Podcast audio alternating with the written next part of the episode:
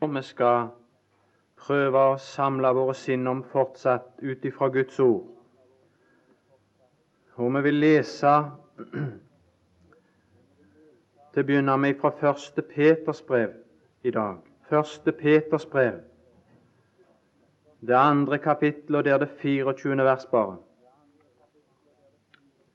Og vi skal prøve å samle våre tanker og sinn om det som vi kort kunne si var korsets lidelse for den Herre Jesus. Første Peters brev 2,24. Der står det sånn Han som bar våre synder på sitt legeme opp på treet, for at vi skal avdø fra våre synder og leve for rettferdigheten. Han ved hvis sår dere er lekt. Det er en verslig forfatter som har sagt at vi er den første generasjon i verdenshistorien som har avskaffa forbrytelsen. Det er langt ifra så at han mener at det ikke lenger finnes kriminalitet eller noe sånt. Men hans bakgrunn for å si noe sånt var dette at alt forklares i vår tid mer ut ifra psykologien.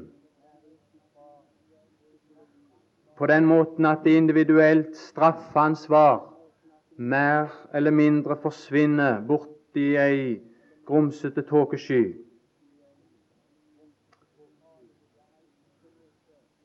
Det tales gjerne ikke så mye om moralsk skyld som det tales om å få letta kanskje en, en form for en, en psykologisk skyldfølelse.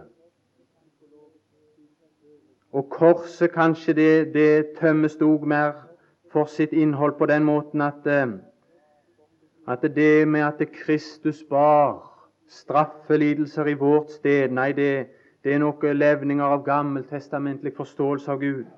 Det er noe sånn, gjerne òg noe, noe middelaldersk, rått, brutalt, som ikke passer med et moderne verdensbilde.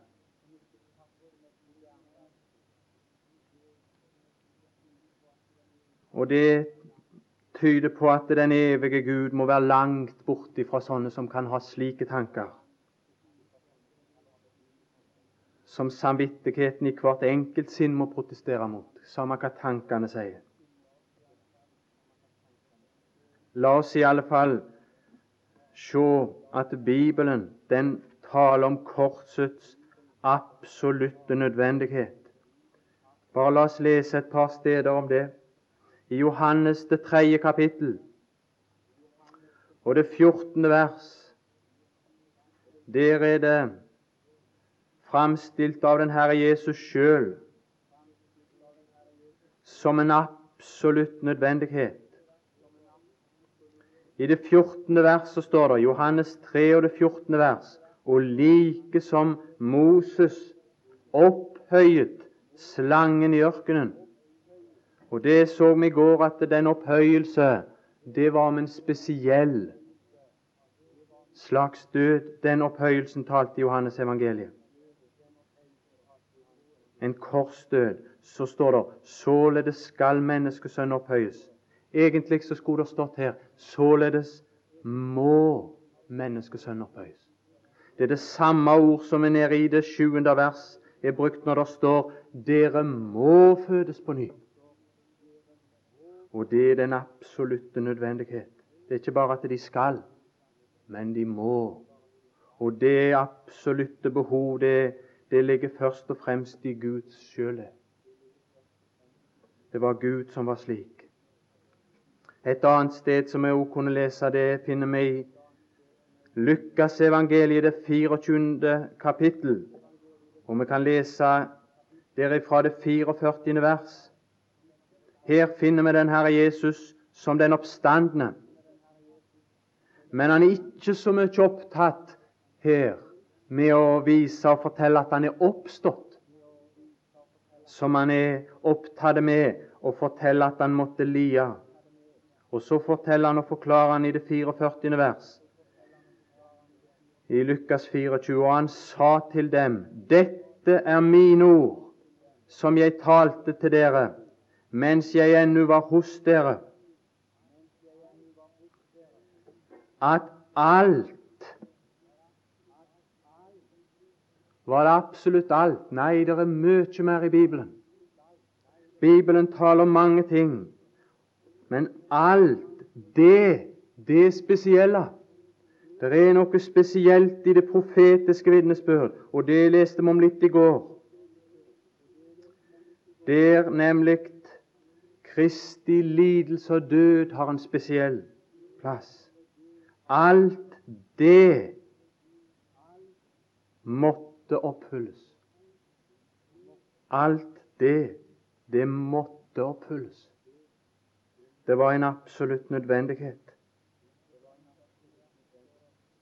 I det 45. verset står det da opplot han deres forstand så de kunne forstå Skriftene. Ja, hva var det da de forsto? Og han sa til dem Så står skrevet. Det var dette i Det gamle testamentet som måtte bli oppfylt. Og alt dette Så står skrevet at Messias skal lide. Ja, var det bare det at han skulle lide? Se borti det 26. vers. I det samme kapittel. Måtte ikke Messias lide dette det var noe bestemt den Herre Jesus måtte lia. Hva var det for noe? I det 20. vers i det samme kapittel så står det hva han måtte lia. Og det måtte han lia. Og hvorledes våre ypperste prester og rådsherrer har overgitt ham til dødsdom og korsfestet ham. Dette måtte han lide korsets absolutte nødvendighet. Han måtte lia, han måtte lia dette i sin død. Og hva, hva var så den særegne karakter? Hva var det så som var det spesielle ved korsets lidelse? Jo, det var nettopp det som vi leste der fra 1. Peters brev. Det var der og bare det at den Herre Jesus led og bar våre synder.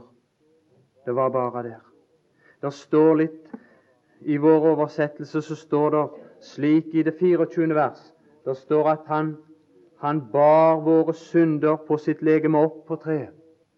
Men i den eldre norske oversettelse så står det, og det står det i, i mange andre oversettelser, for det er det det må stå her han som bar våre synder på sitt legeme oppe på treet. Det var der den Herre Jesus, oppe på treet, der bar han, der bar han våre synder. Og det gjorde han i disse tre fryktelige, for oss ufattelige timer, når han hang der mellom himmel og jord han som ble kasta ut, som vi leste i går og, og, og minte hverandre om i går, ikke bare utenfor porten, utenfor vingården, men nå. Han ble, ble løftet opp ifra jorda. Han hang der, forkasta av alle på jorda. Og så var han forkasta av himmelen. Himmelens lys trakk seg tilbake. Og så trekte det seg et tjukt slør, kunne du si, over hele den fryktelige scenen. Og så kom det et rop ut av det. Min Gud, min Gud, hvorfor har du forlatt meg?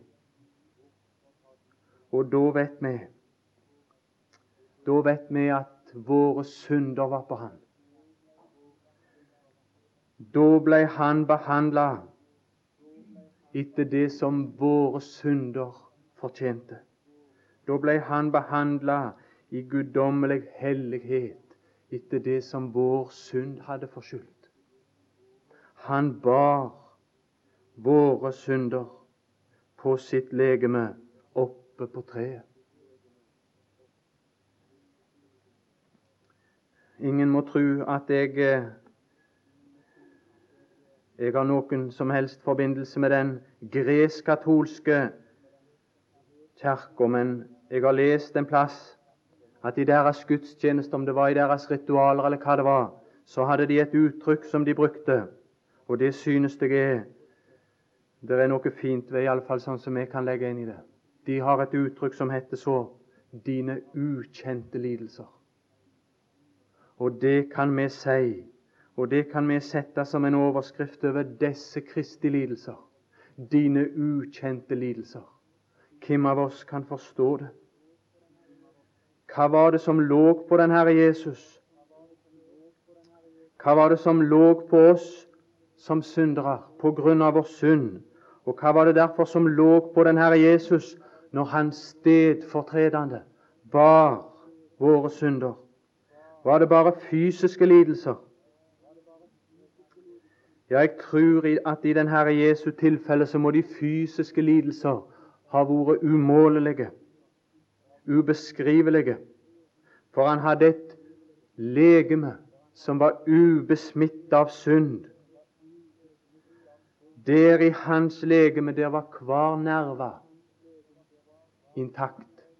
Der var hvert leddbånd, hver del av hans legeme, var i sin fulle kraft, i vigør, uten noen svekkelse, sånn som synden har ført inn i våre legemer.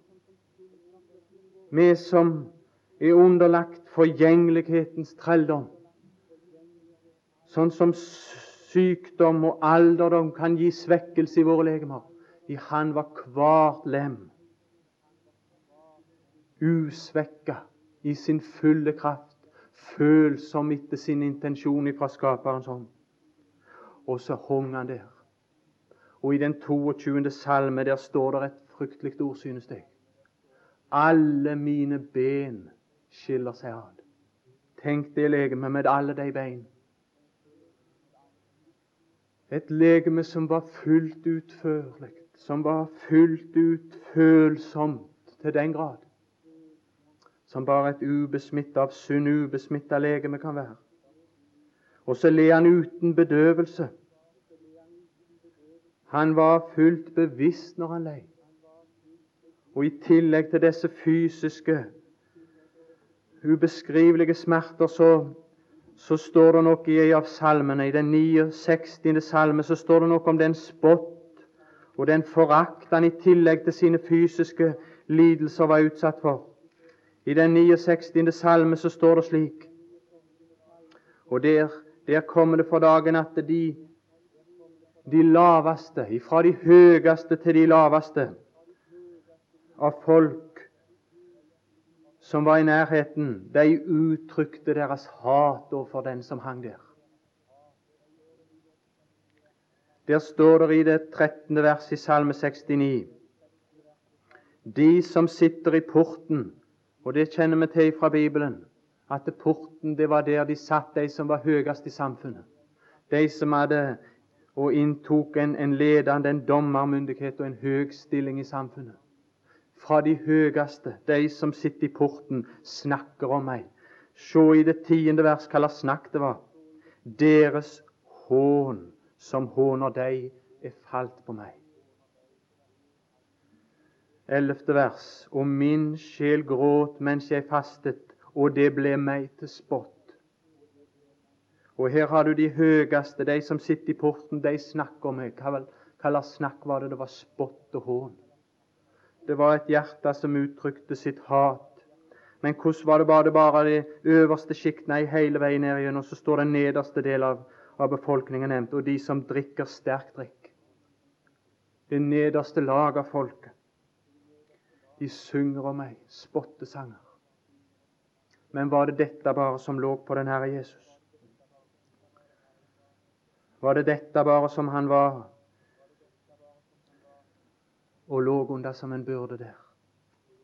Nei, vi vet det var ikke bare det. Han, han som bar våre synder på sitt legeme oppe på treet, han bar noe mer. Han ble lagt under noe langt mer enn det. Men da kunne vi spørre var det bare død. Var det bare døden han måtte utstå? Vi vet at døden den er, den er kunne vi si et tegn på, på et forandra forhold til Gud. Hva er det som har brakt forandringen inn? Når jeg og du, eller når mennesket ble skapt, så ble vi skapt til å leve på jorda. Vi ble skikka for å leve på jorda. Vi ble passa inn etter det med både våre legemer og alt. Men det er kommet inn en forandring når et menneske må dø. Det betyr at en fallen skapning aktes ikke verdig for å leve på jordens overflate lenger. Det betyr dom. For de ufrelste så betyr det å gå inn under en, en blivende tilstand av dom. En fryktelig ting å dø for et ufrelst menneske. Det betyr dom. Men det betyr ikke bare dom, og så er det over. Nei, det er en blivende dom. Du ser de, de står ikke opp igjen. Og de skal være der til, til dommens oppstandelse. De er blivende under dom. Derfor så taler døden for oss til noe etter døden. Det er noe det er noe som er frykteligere enn sjølve døden, og det er det som følger etter døden. Og det står i vår bibel hva som ligger på menneskene. Det er menneskenes lodd en gang å dø, og deretter dom. Det var alt det som lå på oss. Det var dette som var byrden som, som lå på oss på grunn av vår synd. Og nå kom den Herre Jesus og så var han på treet.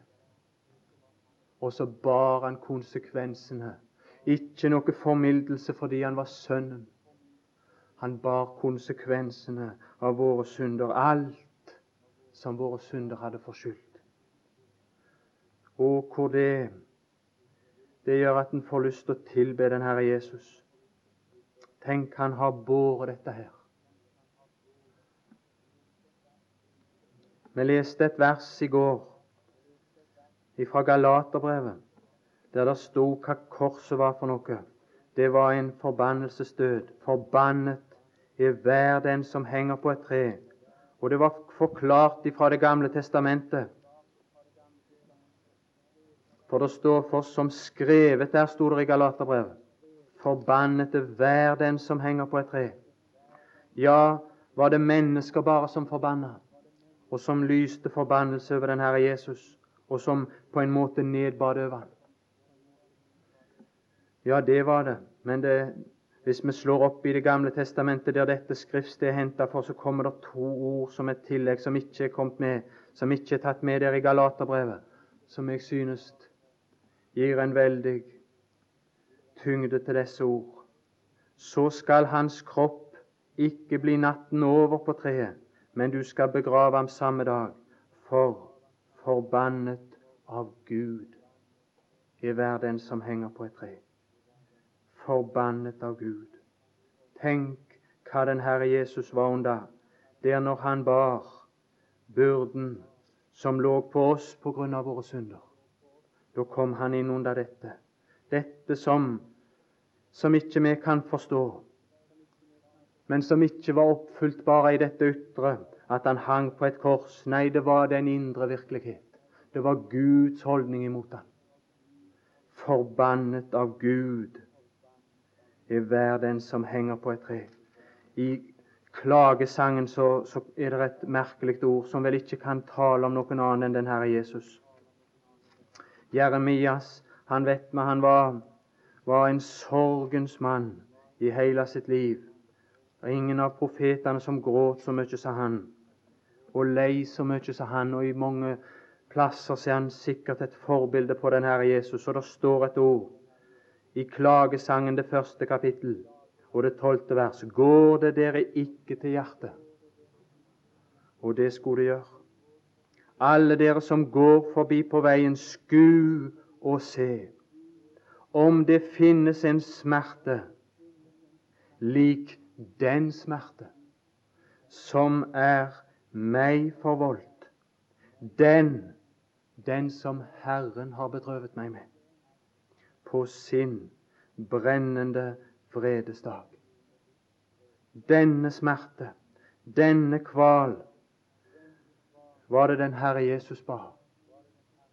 Denne som er i kontrast til alle andre smerter. Denne kval som er uten sammenligning med alt det som alle andre måtte ha gjennomgått.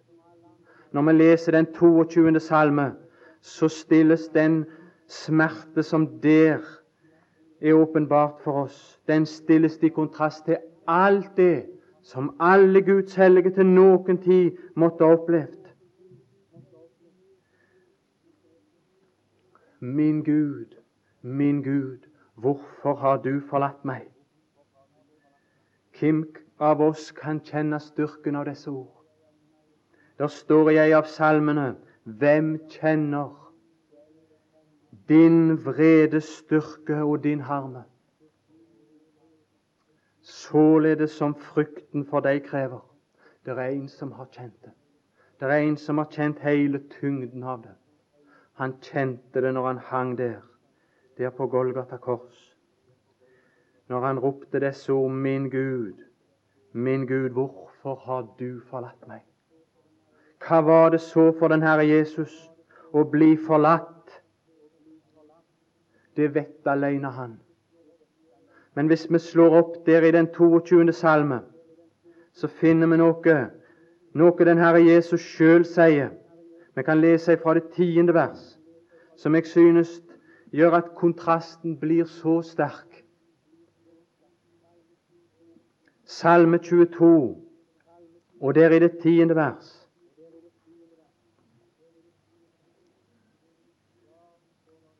Ja, står det der, du er den som drog meg frem fra mors liv, av mors liv.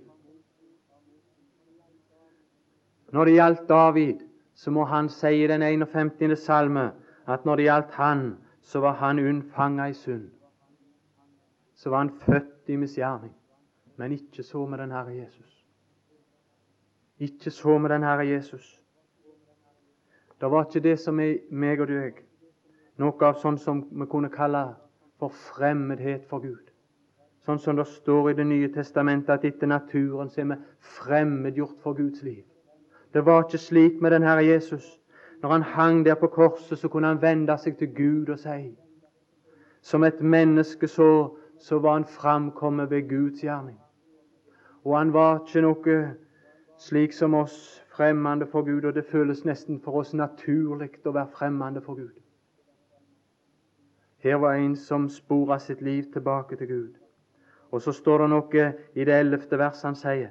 På deg er jeg kastet fra mors liv. Og han levde fullkomment som et menneske. Han levde i fullkommen avhengighet av den evige Gud. Han hadde kasta seg på Gud som et menneske. Han hadde på en måte, om du kunne si, latt hele sin tyngde falle i den allmektiges hender. Vi kan se et vers i den 55. salme. Der står det noe. Salme 55 i det 23. verset står det der det igjen er David, og det var vel hans erfaring der. Der står det 'Kast på Herren det som tynger deg'. Ja, men han i Salme 22 han hadde ikke bare kasta enkelte ting, sorg og kanskje bekymringer, men han var et så fullkomment overgitt menneske. Han hadde kasta seg sjøl. Og det fra fødselen av uten fremmedhet, avhengighet, fullkommenhet. Hva står det da i der i 55. salme? Han skal holde deg oppe. Han skal i evighet ikke la den rettferdige rokkes. Men her i Salme 22 her er det annerledes. Her har du den rettferdige, som ifra han i sin fødsel og ifra sin mors skjød og fra mors liv ble kasta på Gud, så kom han til sitt kors. Og så når han der var, så var det noe som rokkast. Han den rettferdige, og så roper han. Min Gud, min Gud, hvorfor har du forlatt meg? Hvem av oss kan fatte det som den Herre Jesus gjennomgikk? Hva må det ha vært på han, han som hadde kasta seg på Gud? Nei, vi kan ikke forstå det. Men det er godt for vårt hjerte å dvele ved det. Sku og se går det dere ikke til hjertet? Jo, det skulle gå oss til hjertet. Han som har vunnet vårt hjerte nettopp i sin dypeste fornedrelse, i sin korsets død, når han utsto dette, dette som lå på oss. Ikke bare synd, men Guds vrede over synden, dom og forbannelse og død. Og så tok han det alt, og så bar han det. Men så kunne vi spørre, og det vil jeg gjerne Hva var hensikten, om du kunne så si? Det står der heldigvis. Det står i det fjerde vers der i den 22. salme. Og du er dog hellig. Det var grunnen til at han måtte forlates. Det var grunnen til at han måtte bære og gjennomgå dette, fordi han nå var han gjort til synd. Nå var han blitt en forbannelse. Da måtte den hellige Gud trekke sitt velbehag tilbake fra han. Men så står det du som troner over Israels lovsanger. Hensikten var Hensikten var dette at Gud skulle kunne bo iblant Israels lovsanger. Hensikten var at han skulle vinne seg et folk. Uten dette, uten dette som var en absolutt nødvendighet. Uten dette så ville det ikke være en lovsang. Israels lovsanger. Uten dette så ville det ikke være noen den evige Gud kunne bo iblant lovsanger iblant. Kanskje han kunne lovprises av høyere vesener som ikke hadde falt, men han ville bo, han ville trone over Israels lovsanger. Og hva blir så Israels lovsanger? Litt lenger ute i salmene så står det 'Herren er min styrke og min lovsang'. Å, hvor vårt hjerte skulle springe av fryd. Å, hvor vårt hjerte skulle lovsynge. Og det blir ikke så mange emner, det blir Han han som utsto dette for oss, han som gjennomgikk dette for oss, han som gjennomgikk det med en hensikt bare for å vinne vårt hjerte. Bare for å finne den fryd å kunne trone over lovsanger som var sprunget fram av. At han hadde vunnet oss ved å utstå dette, dette uforklarlige. Dette var hensikten. Aldri kunne det skjedd uten korset vidunderlige resultat. Vidunderlige resultat av at han ble forlatt. Det er dette som vi kan lese om i Hebreerbrevet, det 13. kapittel. I det kapittel der det tales om syndofferet, det offer som skulle brennes opp utenfor leiren, der, der syndens grufulle dom rammet stedfortrederen. I det i det kapittel der i Hebreabrevet 13 der finnes det et ord som er sikkert alle av oss har funnet stor fryd og glede i og, å klynge oss fast til. Det er ord nemlig som han sa.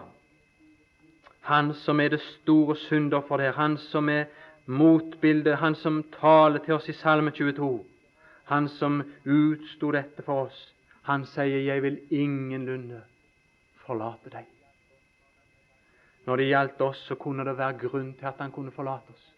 Ingen av oss kan si og stille det spørsmål som den Herre Jesus stilte i den 22. salme. Min Gud, min Gud, hvorfor har du forlatt meg? Det er grunner nok her. Har du vanskelighet med å kunne finne grunner hos deg til at det skulle være rett at den evige Gud skulle forlate deg? Det er grunner nok her. Ingen av oss kan spørre slik den Herre Jesus kunne. Det var ingen grunn i Han. Men han har gitt oss dette løftet 'Jeg vil ingenlunde forlate deg'. Det er i det femte vers i Hebreerbrevet 13. Men kanskje er det noen som allikevel sier det. Kanskje er det noen allikevel som sier det. Vi leste fra Isaias 49 i går. Sion sa, 'Herren har forlatt meg'. Men det burde ikke Sion si. Det så vi litt lenger ned i, i verset 'Se, i begge mine hender har jeg tegnet deg'. Det er ingen av oss troende som burde si det. Det ville være å vanære den Herre Jesu lidelse for oss. Han var forlatt. Han utsto og bar det. Vi skal ikke si det. Det står et ord som jeg har funnet stor trøst i, i andre Korinterbrev, I det fjerde kapittelet og i det niende verset der står det et ord. Forfulgt, står det. Og så står det i vår oversettelse 'men ikke oppgitt'. Det er ikke fordi jeg vil forandre så mye på den norske oversettelsen, langt derifra, men jeg vil bare gjøre oppmerksom på at det ordet som er oversatt med 'oppgitt' her, det er det samme som den Herre Jesus tok på sine leber når dette vers fra Salme 22 høres de fra hans munn der i Matteus 27. Min Gud, min Gud, hvorfor har du forlatt meg? Det er det samme ord som brukes i Hebreerbrevet 13. Forfulgt, men ikke forlatt. Og det synes jeg er en vidunderlig sannhet. Én ting er at vi ikke er forlatt. Han ble forlatt. En annen ting er det at det kanskje noen av oss sier det, men vi burde ikke si det. Se. Nei, vi burde ikke si det. Men så blir noen gjerne forfulgt. Noen kom i prøvelser, noen kom i trengsler. Noen kom i sånne store vanskeligheter. De blir kua gjerne så ned og tenker som så når de presses og trykkes til det ytterste. Ja, dette er sikkert kommet over meg fordi Herren har forlatt meg med sitt velbehag. Han har forlatt meg. Men nei, forfulgt, men ikke forlatt. Kalles trengsler, kalles vanskeligheter du som en troende kan komme opp i. Hvor vidunderlig godt og klynge seg til disse ord. Å, vi kan være forfulgt, men ikke forlatt. Ikke forlatt av Hans velbehag. Ikke forlatt.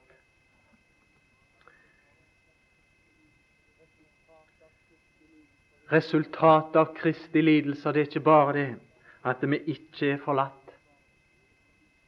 Det er jo bare den negative sida.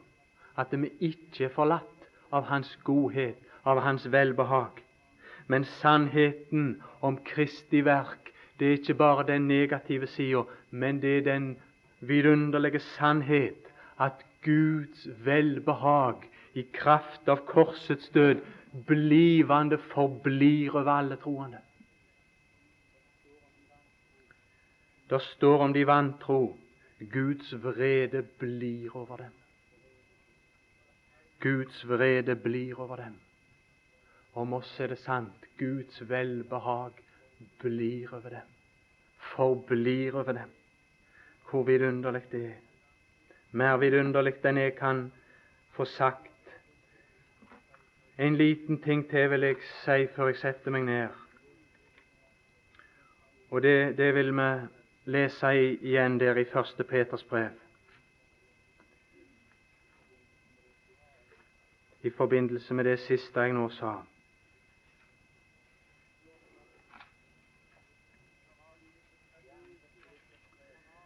I andre Peters brev, første Peters brev, andre kapittel, så står det i det fjortende vers. Eller landshøvdinger som utsendinger fra ham til straff for ugjerningsmenn. Her er en ugjerningsmann. Straffen rammet ham. Straffen lå på ham.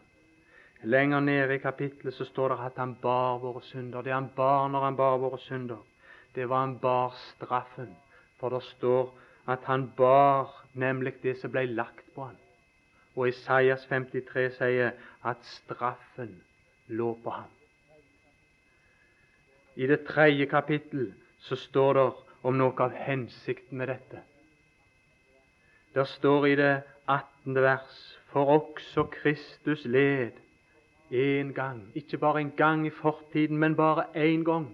Hvor glad vi kan være som er frelst ved dette som den Herre Jesus gjorde, at han aldri skal li mer. Fryktelig som det var. Kristus led en gang for synder, en rettferdig for urettferdige, for å føre oss frem til Gud. For å føre oss frem til Gud. Ikke bare for at vi ikke skulle bli forlatt av Gud, men for at vi skulle bli under Guds velbehag.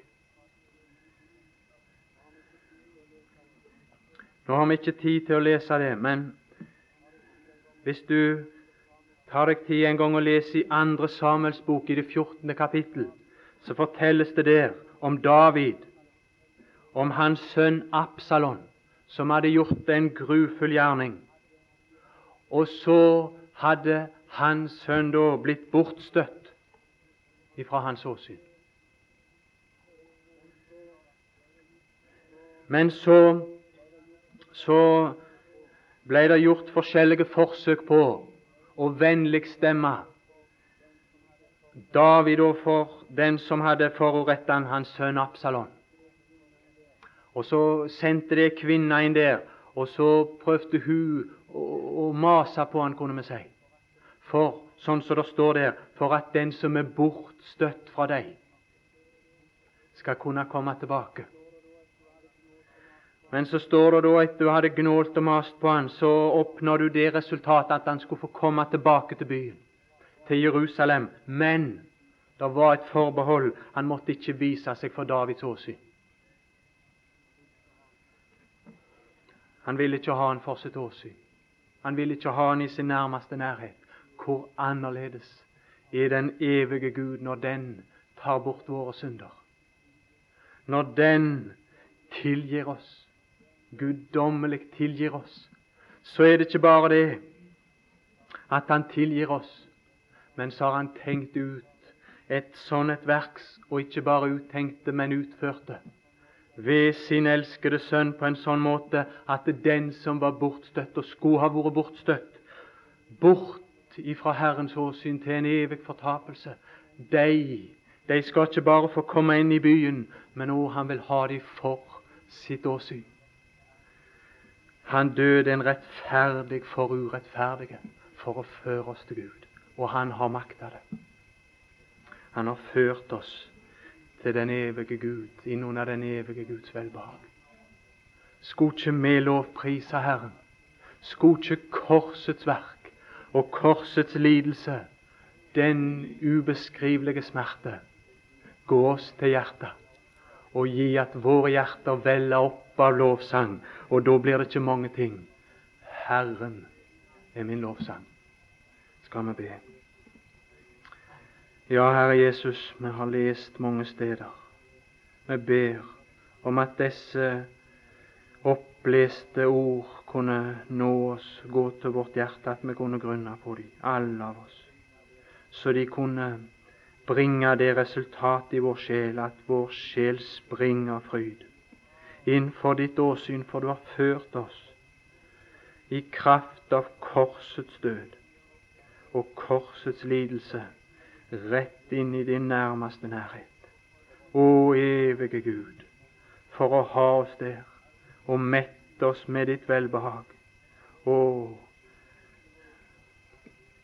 vidunderlige sannhet. Herre Jesus, vårt hjerte går ut i lovsang og tilbedelse til deg. Vi får ikke uttrykke det sånn som vi kanskje ville, men en dag så skal våre hjerter lovprise deg og gi deg et fullkomment gjensvar for det som du led. Og så skal du trone over en lovsang som skal stige høyere enn den som skjer nå. Og når det ingen hindringer skal være. Når Den hellige ånd, som dog skal bo i oss, kan oppta seg bare med dette og velle fram i våre hjerter. Dette vidunderlige. La det få et, en plass i vårt hjerte òg nå. Det ber vi om for ditt navns skyld. Amen.